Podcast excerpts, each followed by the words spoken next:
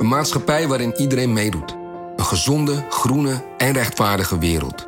Daar willen jij en heel veel andere mensen best iets aan bijdragen. In het klein en in het groot. Dicht bij huis en ver weg. Zo hebben we vorig jaar 349 miljoen euro bij elkaar gebracht. Miljoenen waarmee onze goede doelenpartners de wereld elke dag een beetje beter kunnen maken. Nationale Postcode Loterij. Samen voor een betere wereld.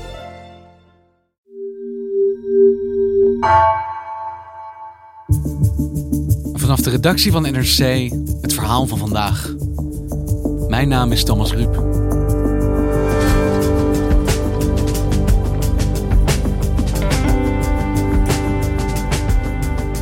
Onderzoek van NRC werpt nieuw licht op het Nederlandse bombardement op de Iraakse stad Hawija, waarbij 70 burgers omkwamen en veel meer nog gewond raakten. Te weinig drones, geen eigen ogen ter plekke en bondgenoten met een net wat andere kijk op burgerslachtoffers. Wat zegt deze kwestie over de manier waarop Nederland oorlog voert?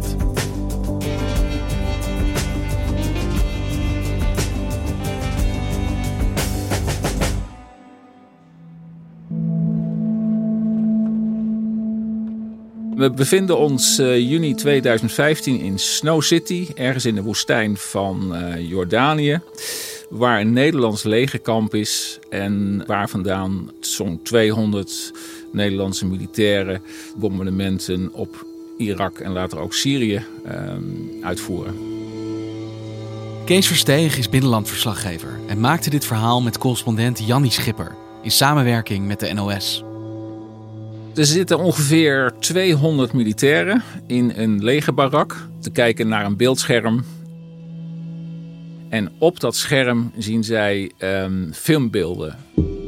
Beelden van bombardementen die de afgelopen week zijn uitgevoerd door het Nederlandse detachement. En wat zien zij op dat scherm gebeuren in juni 2015? Zij zien veel vernietiging. Zij zien iets anders dan anders. Ze zien een echt grote knal. Veel stofwolken, veel uh, mist ook. En um, ze kunnen op een of andere manier voelen, zien dat die klap groter is dan anders.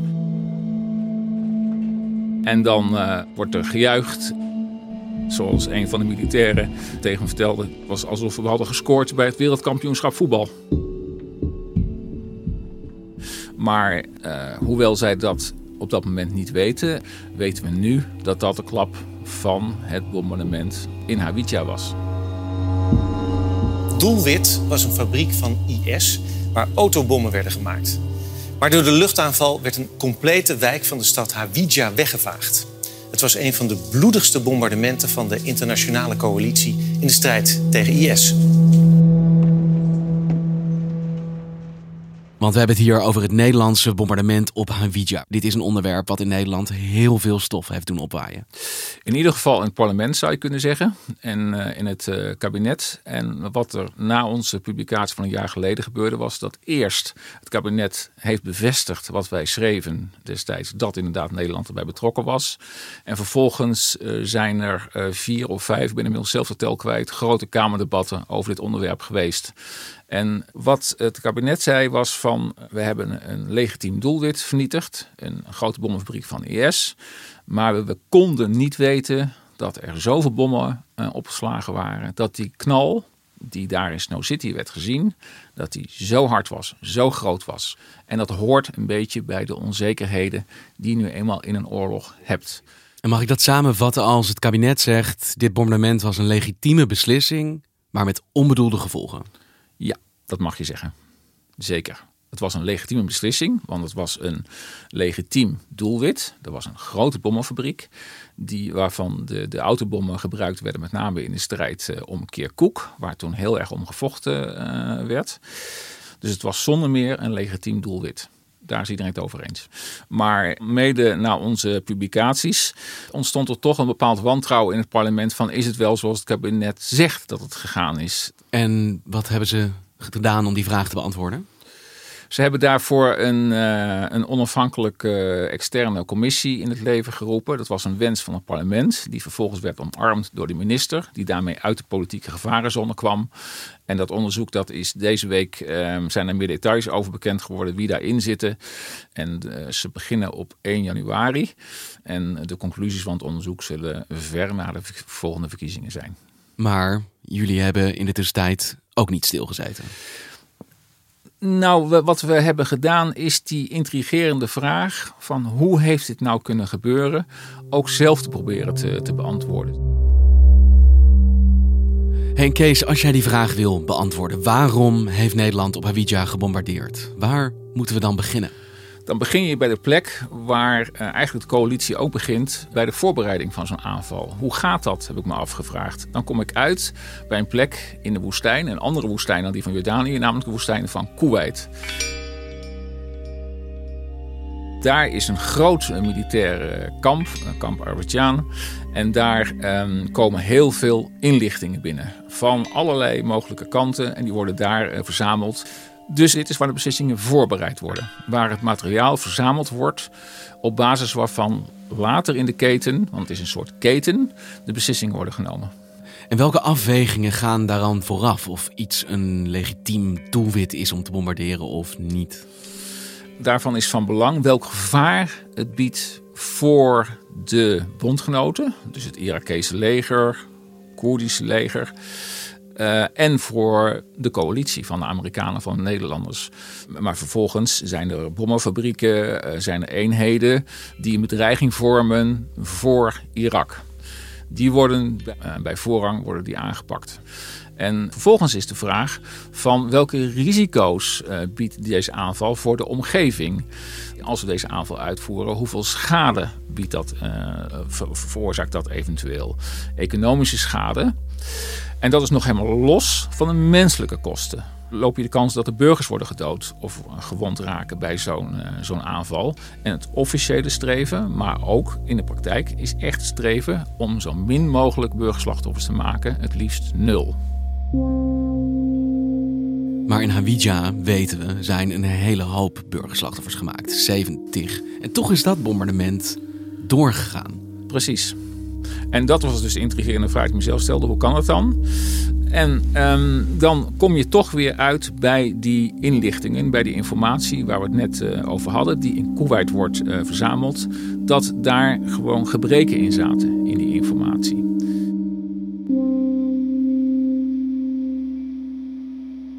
Hey Kees, wat schort er dan aan die informatie? Drones. Het was, er was een groot gebrek aan drones. Er werd voortdurend om gevochten door allerlei afdelingen. En wat is daarvan het risico als je niet genoeg drones tot je beschikking hebt? Dan weet je niet genoeg uh, wat er in en rond een doelwit gebeurt. Je weet niet uh, wie er woont, wie er leeft. Dus niet legitieme strijders die je kunt, legitiem kunt aanvallen, maar echt uh, burgers. daar weet je dan te weinig van. En in Ahawitja hebben we wel een aanwijzing dat de Amerikanen achteraf hebben gezegd dat ze te weinig onderzoek hadden gedaan naar de gevaren van de opgeslagen bommenvoorraad. Um, wat gebeurt er? Zo'n doel wordt aangevallen. Uh, de bommen die de F-16 afvuurt, die exploderen. Maar daarmee ook die enorme bommenvoorraad. En het gevaar van de zogeheten secundaire explosies, zoals dat in jargon heet, is onvoldoende ingeschat omdat er te weinig bekend was over wat daar precies lag. Ja, de Amerikanen zeggen dus zelf, we zijn niet genoeg te weten gekomen. En dat had ondervangen kunnen worden door meer tijd met drones daar te observeren.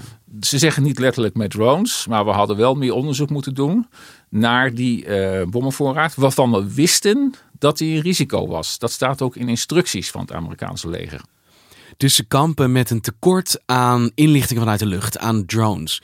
Hoe wordt dat opgevangen?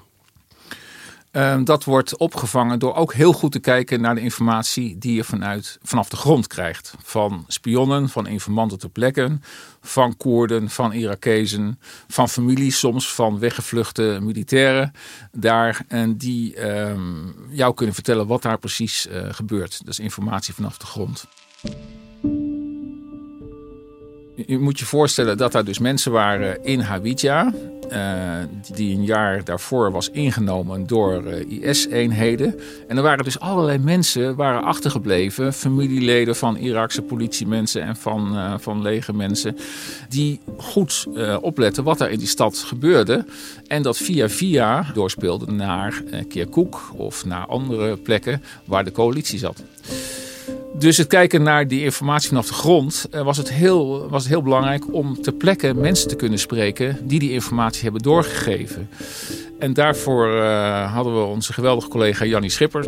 Ja, ik heb onder meer gesproken met Serhat Kader. Die was destijds uh, hoofd van de politie. Die uh, vervolgens uh, contact heeft gehad met het hoofd van de inlichtingenoperatie, met de Koerdische inlichtingenoperatie vanuit Kirkuk. En hij was dus ook degene met een aantal andere veiligheidsdiensten die de informatie overbracht aan de Amerikanen uiteindelijk. Dat was informatie die de Amerikanen vervolgens gebruikt hebben bij een voorbereiding van het bombardement op Hawija.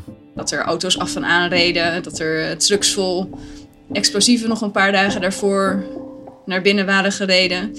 Dus dat soort informatie was vrij uitgebreid beschikbaar eigenlijk. Maar het probleem met, met het praten met uh, bronnen op de grond, met Koerdische contacten, uh, is dat je niet precies weet wat hun eigen agenda is. Het zijn geen neutrale bronnen. Nee. Voor bijvoorbeeld deze generaal Kader was het simpel zo dat er is daar een bommenfabriek. Die is heel gevaarlijk. Vanuit die plek worden aanslagen gepleegd uh, op onze mensen in Kirkuk en in andere plekken. Dat moet uit de weg geruimd worden. Wie daar verder in de buurt is, boeit ons niet zo. Dat zijn allemaal IS'ers en anders, uh, als het al geen strijders zijn, zijn het sowieso sympathisanten met IS. Dus de mensen op basis van wiens inlichtingen wij beslissingen maken over leven en dood, over wel of niet bombarderen, hebben misschien wel een heel ander idee van wat onschuldige slachtoffers eigenlijk zijn. Ze hebben sowieso daar een ander idee van. Zij zien inderdaad alleen maar eh, strijders, IS-strijders. Terwijl wij in ons eh, oorlogsrecht en ons humanitair recht onderscheid maken tussen combatanten, zoals het heet, en non-combatanten, strijders en burgers. Dus als zo'n generaal Kader doorgeeft, nou, dit is een goed doelwit, het is belangrijk, er zijn geen onschuldige slachtoffers, dan moet dat wel geverifieerd worden. Want dat is niet informatie die je dus kan aannemen. Precies. En wat daarbij ook nog een grote rol speelde, was dat het allemaal in een hoge drukpan uh, gebeurde.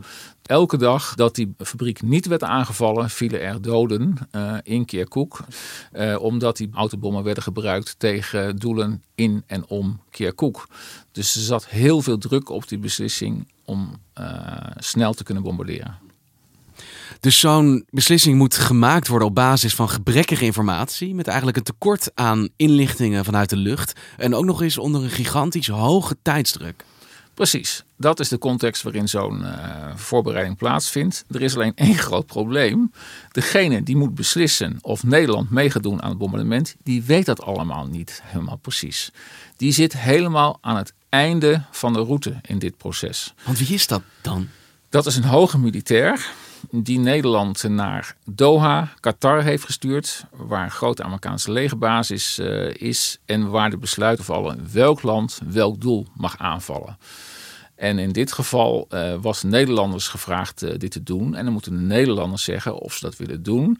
En of het doelwit, de aanval op het doelwit, past bij de oorlogsregels die het kabinet met het parlement heeft afgesproken. Dan moet ik het dan zo zien dat de Amerikanen verzamelen deze inlichtingen, die maken de afweging, die zeggen dit is een mooi doelwit, dit moeten we bombarderen. Nederland, willen jullie dat doen? Ja, zo gaat dat. Waarbij vervolgens Nederland een, eh, een, een, een soort informatiemap krijgt, zou je kunnen zeggen. Een elektronische informatiemap. Dat heet een targeting folder met alle relevante informatie. Over het doelwit, waarom het een legitiem doelwit is. Maar ook over de risico's voor de omgeving. En alle informatie die daarin staat, is verzameld onder Amerikaanse regie. En dat is niet informatie die wij onafhankelijk kunnen controleren. Wij moeten aannemen dat de Amerikanen hun werk goed gedaan hebben. Precies, wij moeten daarop vertrouwen. Ja.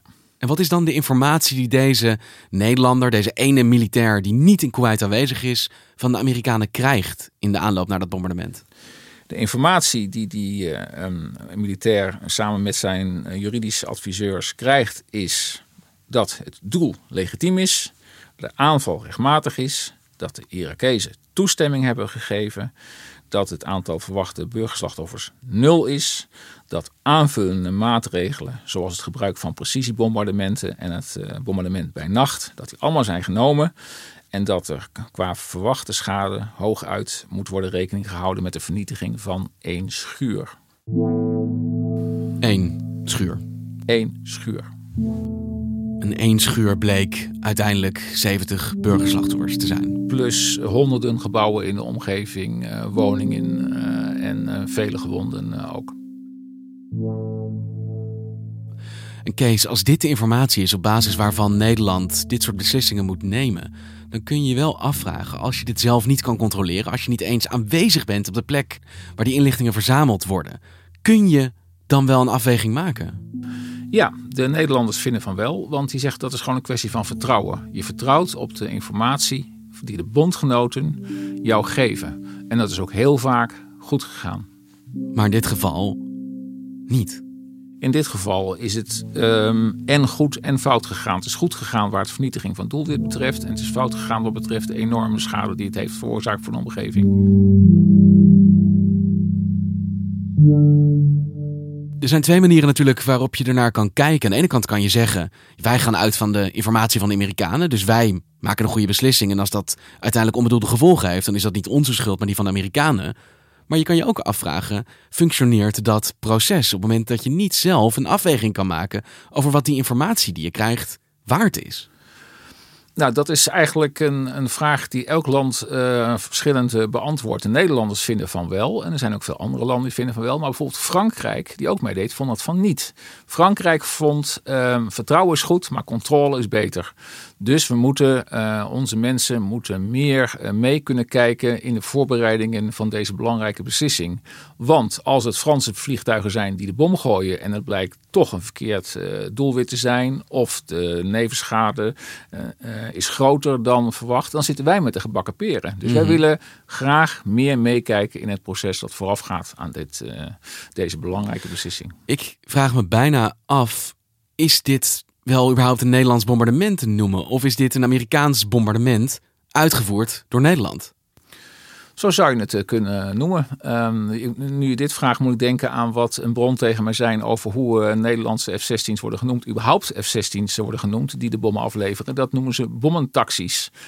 Wij vinden het helden, de mensen die die bommen uh, gooien, die helpen IS te vernietigen. Maar voor de mensen in Kuwait waren het bommentaxis die, die vrij onbedreigd hun lading konden, konden afleveren en helemaal aan het einde van het proces zitten.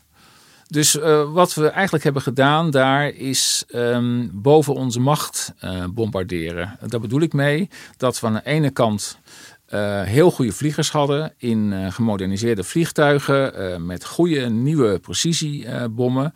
maar dat we de randvoorwaarden voor zo'n operatie niet helemaal goed op orde hadden. En met die randvoorwaarden bedoel ik vooral een goede aanwezigheid hebben in het inlichtingenproces. Het ingewikkelde inlichtingenproces dat voorafgaat aan die ene beslissing om die bom te gaan gooien of bommen te gaan gooien. Wij hadden eigenlijk alleen de optie ja zeggen of nee zeggen. Maar een eigen afweging over een beslissing met dusdanig grote gevolgen kon bijna niet gemaakt worden. Nee, en uh, daar vertrouwden Nederlanders op dat dat kon. Want uh, daarvoor hebben de bondgenoten, zeggen ze, die, die bieden ons uh, goede informatie over het algemeen. Eén schuur. Eén schuur.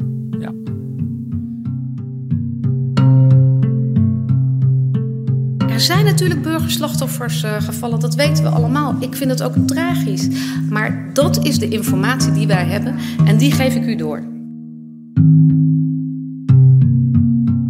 En nu wordt er dus door een externe commissie onderzoek gedaan naar of Nederland inderdaad goed gehandeld heeft hier en hoe dat proces gegaan is. Wat gaan de gevolgen daarvan zijn? De gevolgen van het onderzoek uh, kunnen zijn dat Nederland toch nog eens een keer bij zichzelf gaat kijken. In dit geval het ministerie van Defensie bij zichzelf gaat kijken. Of zij goed voorbereid zijn op een volgende missie, zoals het heet. Dus stel je voor, we gaan weer ergens meedoen met een luchtoorlog. Ehm, hebben we dan uh, ons apparaat op orde? Weten we uh, goed hoe die inlichtingen tot stand komen en of die inlichtingen aan eisen voldoen? Nemen we ook dan genoegen met deze gang van zaken? Of is dit niet meer genoeg voor een Nederlandse beslissing om wel of niet te bombarderen? De spannende vraag, Thomas, is dat ik dat niet weet of we dan genoegen nemen. Dat is namelijk uiteindelijk een politieke vraag. Aan de ene kant zou je kunnen zeggen, volstrekt logisch als je na zo'n drama meer wil weten uh, over die inlichtingen. Uh, over de kwaliteit van de inlichtingen. Aan de andere kant heb ik gemerkt tot mijn eigen verbazing dat het politiek gezien best handig soms is om dingen niet te weten. Om te kunnen zeggen van, oh, maar dat is niet onze verantwoordelijkheid. Dat is, dat wat de Amerikanen ons hebben aangeleverd. kunnen wij toch verder niks aan doen. Dan kunt u niet zeggen dat ik u verkeerd informeer. Ik geef u precies en exact met een beëdigde vertaling door wat mijn Amerikaanse collega heeft gezegd. Dat is mijn taak. Zo werkt politiek. Dat is, dus, dat is het verschil tussen het hele inhoudelijke proces van de voorbereiding van zo'n bombardement. En aan de andere kant het politieke proces dat we het afgelopen jaar hebben gezien. Dankjewel, Kees. Alsjeblieft, Thomas.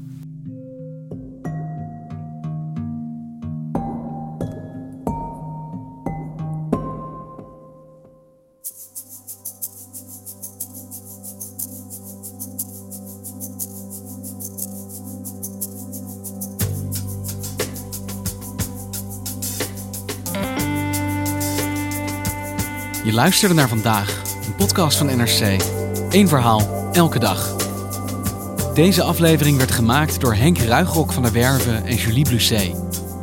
Chef van de audioredactie is Anne Moraal. De muziek die je hoort is van Rufus van Baardwijk. Dit was vandaag. Morgen weer.